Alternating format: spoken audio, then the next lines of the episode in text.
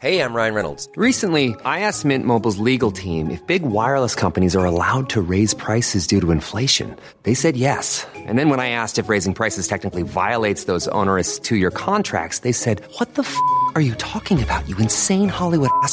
So to recap, we're cutting the price of Mint Unlimited from $30 a month to just $15 a month. Give it a try at mintmobile.com slash switch. $45 upfront for three months plus taxes and fees. Promo rate for new customers for limited time. Unlimited more than 40 gigabytes per month. Slows. Full terms at mintmobile.com.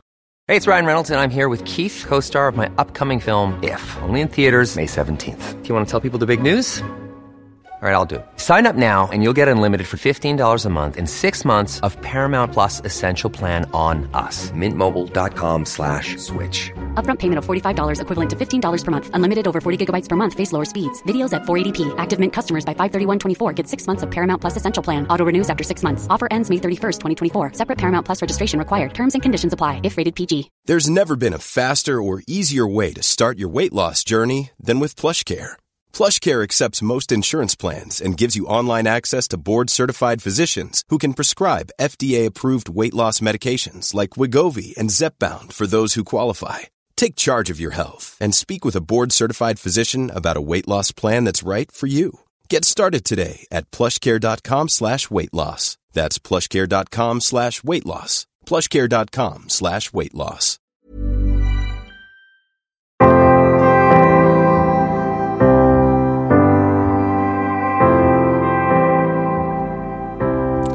Hej allesammans och välkomna till Bröllopstankar. En podcast för dig som går i bröllopstankar, som ska gifta dig eller som bara älskar bröllop i stort. Jag heter Isabella och jag är eventplanerare och bröllopskoordinator och jag hoppas att jag med den här podden ska inspirera er när ni håller på och planerar ert drömbröllop. Och jag kommer faktiskt idag hoppa rakt in i veckans ämne. För det här är ett ämne som jag har fått många frågor om och speciellt efter förra veckans avsnitt när vi var inne och nosade lite grann på det här. Men det är Dagens avsnitt ska handla om att vara toastmaster eller toastmadam. Och jag gick in på det lite grann under förra veckans avsnitt. Men jag tänker att jag kommer gå ännu mer in på djupet om det och prata om vad är en toastmaster? Vilka uppgifter har man? Vilka saker är bra att tänka på? Och vad kan liksom make it or break it? Och för enkelhetens skull nu då så kommer jag att säga toastmaster genom avsnittet och jag kommer inte säga både toastmaster och toastmadam varje gång. Så jag hoppas att ni tycker att det är okej. Okay. Och en sak till som jag kommer ta upp i avsnittet, det är att vad ni som brudpar ska fundera på innan man väljer sin toastmaster. För som jag var inne på lite under förra veckan så känns det som att många väljer just här sin roligaste vän för toastmaster för sitt bröllop. För att man tänker just att man vill ha en rolig fest. Men bröllopet är inte toastmasterns fest utan det är brudparets fest. Så jag ser snarare på toastmastern lite mer som en så här ja, men, programledare nästan för ert bröllop. Det ska vara en person som så absolut kan ta ton och som är bekväm att prata inför publik. Men det behöver inte, eller snarare det bör inte vara någon som liksom tar över hela showen. Jag har sett när toastmasters har hållit så långa presentationer inför varje tal och lagt in så mycket av sig själv och så egna skämt att det totalt tagit över hela festen och då tyvärr tog väldigt mycket fokus från de som höll tal till brudparen och också tog väldigt mycket fokus från brudparet själva. Eh, men sen så har jag också varit med om toastmasters som har verkligen har lyckats lyfta hela festen och middagen till en helt ny nivå. Så att absolut, en person som är bekväm att stå i rampljus är väldigt bra. Men också en person som är väldigt liksom, lyhörd och som vet när det är dags att lämna plats och ja, men som också kanske vet när det är dags att ta mer plats och att lämna plats. Och där skulle jag också vilja säga att jag tycker att det kan vara en väldigt bra idé om man kanske är två personer istället för bara en. Eh, dels för att dela upp uppgifterna lite grann, för som jag också pratat om innan, det är ganska mycket ansvar att vara toastmaster. Då har man också någon som man kan bolla idéer med. Ofta kanske det är så att man kompletterar varandra ganska bra, så att om en person kanske gillar mer att så här, sätta schema och de bitarna är ganska så här, eh, ja, men, koordinatoraktig och ganska så här ordentlig. Medan någon annan kanske istället har väldigt mycket idéer och är väldigt kreativ och det är inte alltid som en person sitter liksom båda de här egenskaperna. Så det kan absolut vara en väldigt bra idé att vara två personer. Så till att börja med nu då. Vad är egentligen en toastmaster eller en toastmadam? Och precis som man hör på namnet så från början så är egentligen en toastmaster den som har ansvar över talen. Så traditionellt sett någon som planerar upplägget på middagen och talen och som sen introducerar varje talare. Sen så har det här växt under alla år och nu så har man istället många fått för sig att toastmastern är en person som måste liksom hålla någon typ av enmansshow för att klara det här uppdraget och så skulle jag säga att så är det verkligen inte utan ja, jag har sett vissa toastmasters som har sett till att de har blivit så inburna i någon typ av så här kungastol och blir jättehyllade och får jättemycket fokus under bröllopet och det kanske passar vissa bröllop jättebra. Men jag tror att på något sätt har förväntningarna också hamnat där att man måste vara en så här showartist för att vara toastmaster, vilket ja, men jag tycker är ganska lustigt för jag håller inte med att det behöver vara så. Så vad tycker jag att man ska göra och vad, vad det innebär att vara toastmaster. Då skulle jag säga att det absolut viktigaste, precis som det brukar vara, eh, det är att ni som brudpar och den som har blivit tillfrågad eh, att vara toastmaster, det är att ni kommer överens om vad det innebär för er. Så vilka uppgifter ska ingå och vad förväntar sig brudparet? Ofta så tror jag att eh, man kanske inte kommunicerar det här tillräckligt från början vad man förväntar sig. Eh, vilket då också gör att ja, men saker kanske faller mellan stolarna och brudparet tror att man ska ha hand om någonting som man som toastmaster inte alls tänker att man har ansvar över.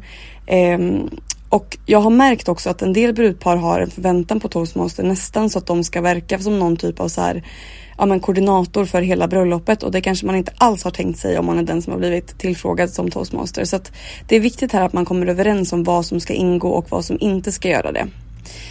Och jag tänker att jag ska dela upp det här avsnittet eh, i två delar som kommer vara förberedelser och under själva middagen. Och det är bara för att det ska bli enklare med vad man, ja, man ska tänka på inför och sen också under. Så jag har eh, börjat med att säga fem saker som jag tycker att man ska tänka på inför under förberedelserna. Så nummer ett hur jag tycker att man ska börja förberedelserna inför eh, att vara toastmaster. Det är att man ses tillsammans med brudparet och börjar prata igenom om vad det här ska vara för typ av bröllop och för typ av middag. Eh, ofta så kanske man som brudpar inte vill veta allt för mycket och det tycker jag inte att de ska göra heller utan middagen är ju just ja, men till ganska mycket för dem och vill, man vill ha in ganska mycket överraskningar där. Men just därför så tycker jag också att det är extra viktigt att man just ses på det här mötet innan, innan där man kan sätta lite ramar. Så ses på ett möte och där ni dels pratar om vilka uppgifter som de räknar in i att vara toastmaster och också där ni kan prata om vilken typ av bröllop som de vill ha. Så lite på samma sätt som ni som brudpar gjorde i början med er prioriteringslista att man sätter lite så här, det här tycker vi är viktigast och det här vill vi fokusera på. Och att ni som toastmaster då får veta vilken typ av stämning som brudparet är ute efter. Då är det också lättare sen att sätta ett eh, tema kring det så vill de ha det liksom väldigt romantiskt eller högtidigt eller roligt. Och ofta så är det ju då det sistnämnda som de flesta är ute efter. Och försök där då att tänka så här, vad som är roligt. Det behöver, bara för att man säger att man vill ha ett roligt bröllop och en rolig middag så behöver inte det vara att man ska ha liksom en stand-up show utan det kanske mer handlar om hur man bygger upp kvällen och vilka inslag man tar in sen. Och den andra saken som jag tycker att man ska ha med i sin förberedelse inför att vara toastmaster, det är att man bestämmer vem som ska skicka ut all information om att hålla tal. Och ofta så kanske man skriver med redan på första inbjudan att så här, för tal, kontakta och sen så en mailadress. Men jag tycker också att det är väldigt bra och trevligt när toastmastern själv också kanske får en mejllista till alla gäster eh, och skickar ut en påminnelse om så att ja, men, kom ihåg att anmäla era tal och också att man kanske här skriver lite mer information om hur talen ska ha för upplägg. Kanske så här, ja, men, hur långt det ska vara och då tycker jag att ett bra riktmärke ofta är två minuter långa. Eh, jag har sett att många säger tre Eh, men säger man då två så blir det oftast lite längre och man hinner säga väldigt mycket under den tiden. Och är det lite längre än så, då blir det oftast lätt att det blir mycket upprepningar och att talet liksom inte blir lika tight. Så att be dem om att försöka hålla talen kring två minuter. Och sen så är det såklart att vissa kommer bli lite längre om det kanske är något spex eller videoklipp eller sådana saker. Eh, men be be de som ska hålla tal att de skriver ungefärlig längd på talet. Eh, kanske lite tema och och om det är någon speciell rekvisita som behövs. Dels då så kommer det vara mycket lättare att beställa teknik eh, och att återigen då ingen förväntar sig att det ska finnas saker på plats som sen inte finns. Eh, och också att det blir mycket lättare sen att sätta en bra ordning och ett flöde på kvällen om du vet lite så här ungefär om det kommer vara ett spexigt tal eller om det kommer vara ett mer känslomässigt tal och så vidare. Och Inför talen så tycker jag också då på det här första mötet att man ska ha kollat med brudparet innan om det kanske är någon person som de verkligen inte vill ska hålla tal eh, eller om det är någon som de gärna skulle vilja ha tal från. Så kanske man som toastmaster också kan vara med och liksom så fråga den personen lite extra och så. Eh, och kom ihåg också då att sätta ett sista datum för att anmäla sig till att hålla tal så att man kan sätta planeringen och för det här upplägget. Eh, och en liten note sådär om man är en gäst som eh, har anmält sig för att hålla tal till något bröllop någon gång. Eh, men man får svaret så att så här, nej men tyvärr det går inte av någon anledning. Kanske att det är så här, ja men det är fullt nu eller så. Eh, lita då på att toastmastern har kontakt med brudparet och att man har kommit överens om ja, men hur många som ska hålla tal och vilket upplägg man vill ha. Så sitt inte sen och så kontakta brudparet själva och börja fråga dem för att de har lämnat över ansvaret till den här personen eh, för att de litar på den här personen. Eh, och lite som jag var inne på även under förra avsnittet att så här, stay away från eh, spontantal för oftast blir det inte så bra eh, och det stör ordningen som den här toastmastern har planerat och som man har lagt väldigt mycket tid bakom. Så att får man ett nej eh, då tycker jag att man bara ska eh, säga okej okay på det. Nästa sak som ingår i förberedelsen det är teknik. Och då samma här, kolla med brudparet vilken teknik som finns att tillgå i lokalen. Eh, och om det är extra saker som man kommer behöva lägga till, se till då att ni redan har bestämt från början vem som står för det. För en ganska så vanlig miss eh, som är väldigt lätt hänt, det är att toastmastern kanske har kontakt med till exempel någon DJ eh, som ska vara på plats och som kommer ta med sig sin egen teknik. Och att man lägger till saker via den personen som talarna ber om. Eh, man tänker att så här, men det är nog ganska lätt fixat och sen så när DJn sen skickar faktura till brudparet så är alla de här extra sakerna med som man inte har kollat med brudparet i förväg. Så bestäm redan från början hur ni ska göra med sådana saker om saker tillkommer, om det är gästerna själva som får stå för det eller om det är toastmastern som står för det eller om brudparet vill göra det själva. Eh, och en annan väldigt viktig sak när det kommer till just teknik, att se till att ni har testat tekniken i förväg. Och det här är väldigt viktigt och helst om det finns möjlighet att man kanske någon dag innan har åkt och tittat och provat allting så att man hinner göra ändringar om det skulle vara någonting som inte, som inte funkar eller som inte passar. Eh, men om det inte går av någon anledning och att man måste göra det under dagen, eh, se till att man lägger det kanske under en tid när de andra kanske så minglar efter vigseln. Eh, att man tar en liten paus då och går iväg och kollar all teknik en extra gång. Eh, några saker att tänka på Speciellt då när det kommer till tekniken. Dels då ljudet. Eh, det kommer upplevas lite annorlunda när ni testar det och ni är helt själva i rummet i jämförelse när det kommer vara en lokal full med folk. Och speciellt om det kanske är så att man har druckit lite alkohol. Då uppfattar man ljudet lite annorlunda så att när man testar ljudet så är det okej okay om det känns lite, lite skarpt när ni testar själva. För det kommer att dämpas sen när lokalen fylls med folk. Eh, och Också man kan tänka på hur man placerar högtalarna så att om de står eh, så att de står så här så symmetriskt som möjligt i rummet så att ljudet blir så jämnt som möjligt i rummet. Och eh, om man till exempel vill ha mer bas, nu får vi lite så här tekniktips. om man till exempel vill ha lite mer bas så att man kan flytta högtalarna lite närmare väggen. Eh, för då så studsar ljudet mot väggen. Och om man däremot tycker att det är för mycket bas då kan man istället flytta fram högtalarna lite. Så att det går att göra några sådana här eh, snabba ändringar om inte ljudet känns helt hundra även när man testar det samma dag. Och också som är ganska vanligt om man ska visa något typ av filmklipp eller så. Ofta så kanske man visar det via en projektor se till då att man har sett hur bilden är när det är ljust. Så gifter man sig i Sverige under sommaren, eh, vi har långa ljusa kvällar här, så om projektorn är för svag så kommer det inte synas i rummet om det är för ljust. Och det är också en sån där sak som känns väldigt skönt att ha kollat i förväg. Och det är så jobbigt om man står där eh, under middagen och ska sätta på och man inte ser någonting och man får stå och krångla med någon projektor som inte vill funka och alla gäster sitter och väntar och man bara blir så nervös och stressad. Så se till att ha kollat all teknik, eh, helst lite i förväg, men om det inte går, eh, i alla fall under dagen. Och om det är något problem så kan man göra lite justeringar där under på plats. Men just bilden, om den inte är tillräckligt skarp, det är svårt att göra någonting om man inte kan byta projektor. Så att det skulle jag verkligen försöka att eh, be om att få kolla i förväg. Och sen så har vi såklart talordningen. Och såklart så finns det så här en väldigt traditionell ordning på hur man ja men, ska lägga ordningen på talen med så här brudens far, brudgummens far och så vidare. Men jag tänker att jag förenklar det här lite grann. Eh, och jag förespråkar ju då som alltid att man inte måste göra på ett speciellt sätt. Men ändå när det kommer till talen så är det oftast att det blir kanske en bättre stämning generellt på festen om man följer det här någorlunda. Och som jag sa i förra avsnittet att om man har lyxen att ha flera dagars bröllop så kan man också dela upp det, att man lägger några av de mer kanske så här, ja men obligatoriska talen på kanske dag, kvällen innan eller på brunchen efter. Men om jag ska säga så här en generell ordning så tycker jag att det är bra att man lägger föräldrar först. Eh, sen kanske äldre släktingar och sen syskon. Eh, sen att man tar bästmän och brudtärna och alla tärnor där. Eh, sen övrig släkt som så här, kanske kusiner och ja, men, släkt som så här, står en nära men inte, inte närmsta familj. Och sen så vänner och till sist om toastmastern kanske har något så här, telegram eller videohälsningar eller så. Och det är ju sådana saker, speciellt det här sista som man skulle kunna lägga kanske dagen innan eller på brunchen dagen efter. Och anledningen att man håller det till på en ungefärlig på det här sättet. Dels så tycker jag att det är lite hur nära man är. Det är ganska svårt om man är någon så äldre vän som man kanske inte haft så här jättemycket kontakt med den närmsta tiden men som ändå vill hålla tal. Eh, att den ska ligga så här före syskon. Det blir ganska så här konstig med ganska konstig flöde i kvällen så att det är bättre att man lägger ja, men de närmaste som står en närmast först. Och också så kanske att under kvällen så kanske det blir så att man ja, men, kanske dricker lite alkohol.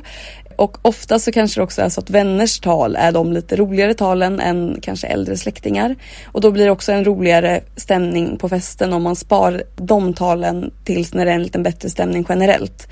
Och om det är så att brudparet själva vill hålla tal till varandra Eh, vilket också blir mer och mer vanligt. Då skulle jag nog också lägga det ganska mycket mer i början av, av kvällen för det kommer också vara ganska så här, ja men stämningsfullt tal.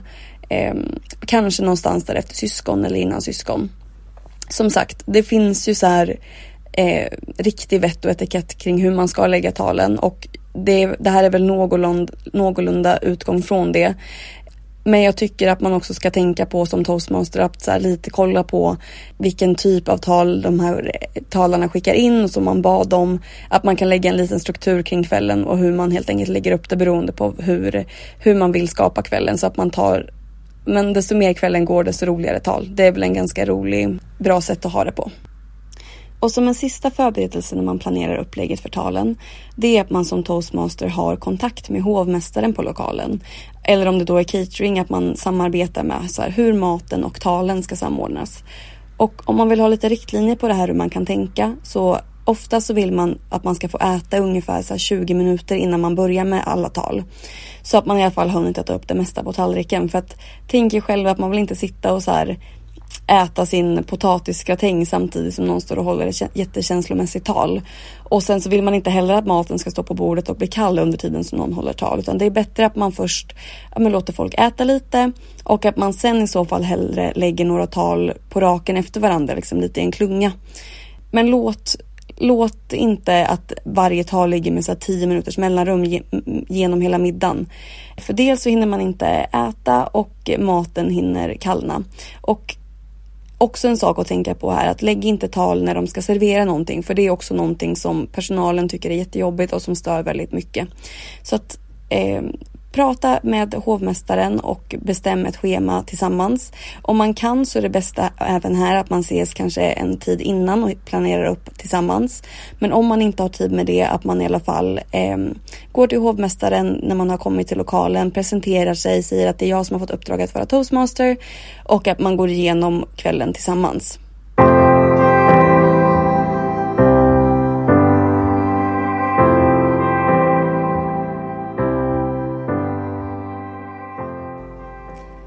Sådär, det var lite vad man kan tänka på inför bröllopet.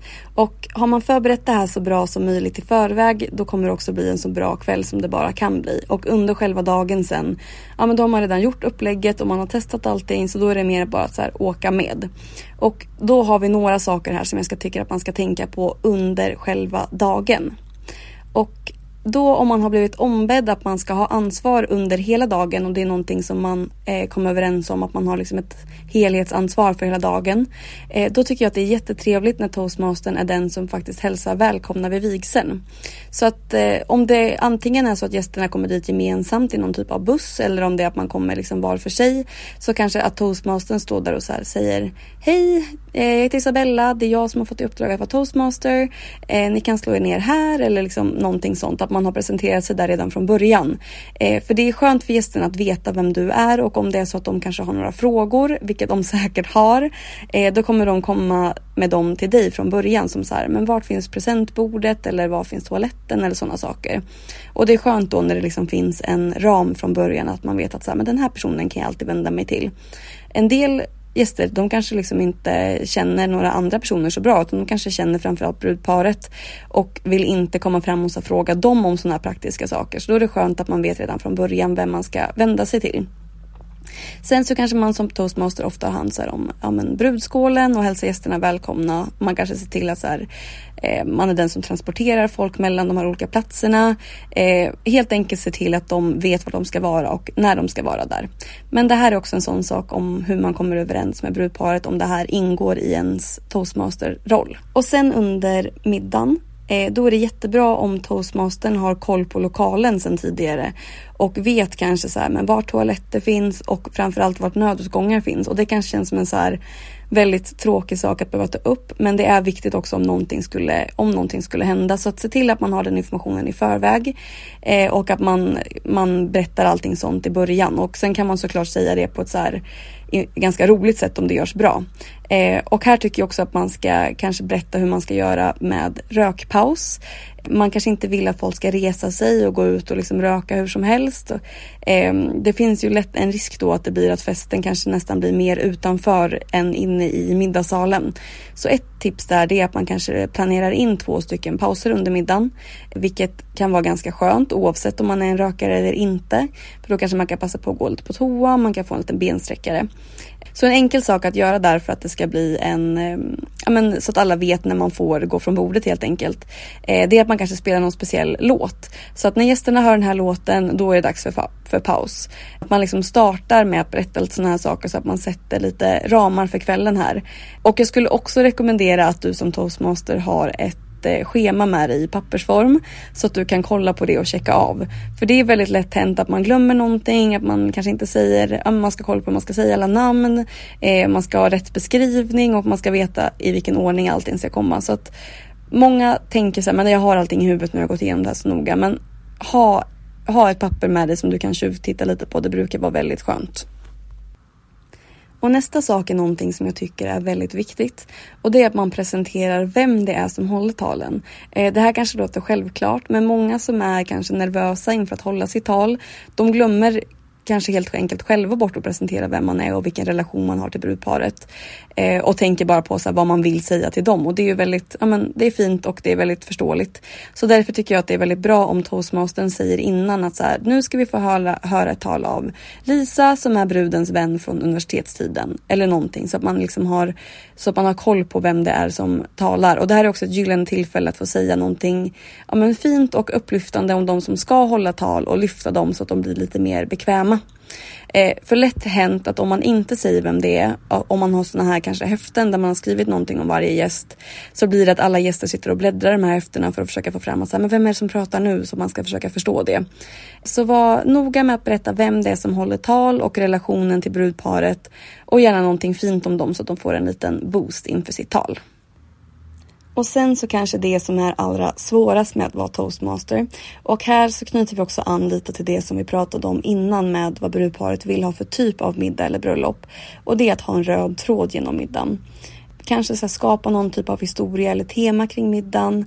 Det är någonting som jag har sett som ofta blir väldigt lyckat och det kan man göra på väldigt många sätt. Antingen så kanske genom så musik som vi pratade lite om innan, att man kanske på något sätt Eh, binder in musik i hela kvällen. Att man kanske berättar historien om hur brudparet träffades, att man på något sätt knyter in talarna i det. Eh, man kan visa filmer som binder ihop kvällen och historien. Men det är någonting som jag har sett och som jag verkligen tycker har fungerat. Det är att man sätter någon typ av liksom, historia eller röd tråd genom allting. Det gör också att fokuset också då hamnar tillbaka på brudparet hela tiden och att det inte blir bara toastmasterns show. Även om det då är toastmastern som så här, ja, men, drar middagen framåt, som gör ett väldigt stort jobb och som kanske i det här är väldigt rolig och allting. Men att man ändå får fokus hela tiden tillbaka till brudparet och till talarna. Kanske så finns det någonting internt i brudparets historia som går att göra ett tema kring. Man kanske, ja, men, om man träffades på någon resa eller liksom, ja, men, vad som helst. Någonting som gör att det blir en röd tråd genom kvällen. Det brukar vara ett väldigt lyckat recept. Och sen så den sista punkten som jag tycker man ska tänka på om man ska vara toastmaster på någons bröllop. Och den här är nog ganska självklar för de flesta, men jag vet också att det inte alltid är så, så jag vill ändå få in det. Och det är att drick inte för mycket. Det är väldigt lätt hänt att man kanske är lite nervös, att man vill så här, ja men let loose lite grann och att man då helt enkelt dricker lite för många glas. Men det är en väldigt lång kväll och du ska ha ansvar över mycket saker så ta det lugnt. Det finns en så här gammal eh, sed att toastmasterns glas är mycket tjockare än alla andra glas bara för att det inte ska gå att fylla på lika mycket som i de andras. Och i och för sig så tycker jag att det här är någonting som kanske gäller alla gäster och speciellt om man är någon som ska hålla tal. Jag hörde faktiskt om en person som en gång skulle spela piano på ett bröllop. Men när det var dags för honom att spela så hade han, eh, han hade somnat vid pianot för att han var så berusad helt enkelt. Och även om det blev en rolig historia som man kunde skratta åt i efterhand så är det inte så kul när det händer. Så ta det, ta det lite lugnt med alkoholen.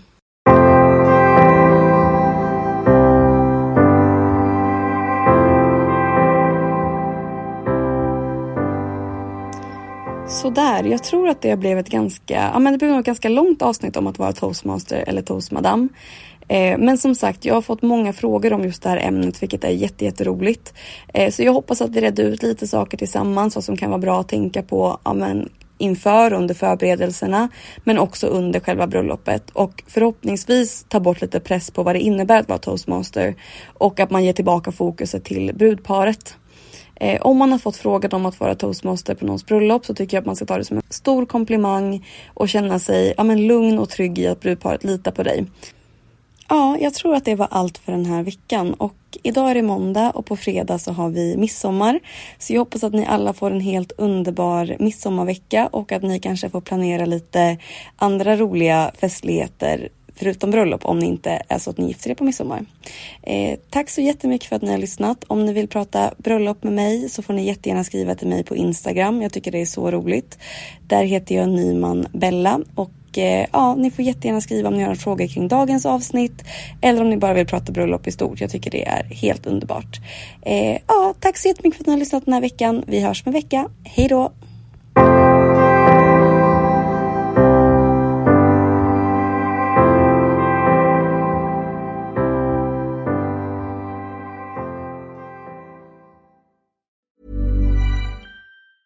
Hi, I'm Daniel, founder of Pretty Litter. Did you know cats tend to hide symptoms of sickness and pain? I learned this the hard way after losing my cat, Gingy. So I created Pretty Litter, a health monitoring litter that helps detect early signs of illness by changing colors, saving you money and potentially your cat's life. Pretty Litter is veterinarian developed, and it's the easiest way to keep tabs on your fur baby's health right at home. Go to prettylitter.com and use code ACAST for 20% off your first order and a free cat toy. Terms and conditions apply. See site for details. Hey, it's Paige DeSorbo from Giggly Squad. High quality fashion without the price tag? Say hello to Quince. I'm snagging high end essentials like cozy cashmere sweaters, sleek leather jackets, fine jewelry, and so much more. With Quince being 50 to 80% less than similar brands. And they partner with factories that prioritize safe, ethical, and responsible manufacturing. I love that. Luxury quality within reach. Go to quince.com slash style to get free shipping and 365 day returns on your next order. Quince.com slash style. Imagine the softest sheets you've ever felt. Now imagine them getting even softer over time. That's what you'll feel with Bowl and Branch's organic cotton sheets. In a recent customer survey, 96% replied that Bowl and Branch sheets get softer with every wash. Start getting your best night's sleep in these sheets that get softer and softer for years to come. Try their sheets with a 30-night guarantee. Plus, get 15% off your first order at bowlandbranch.com. Code BUTTERY. Exclusions apply. See site for details.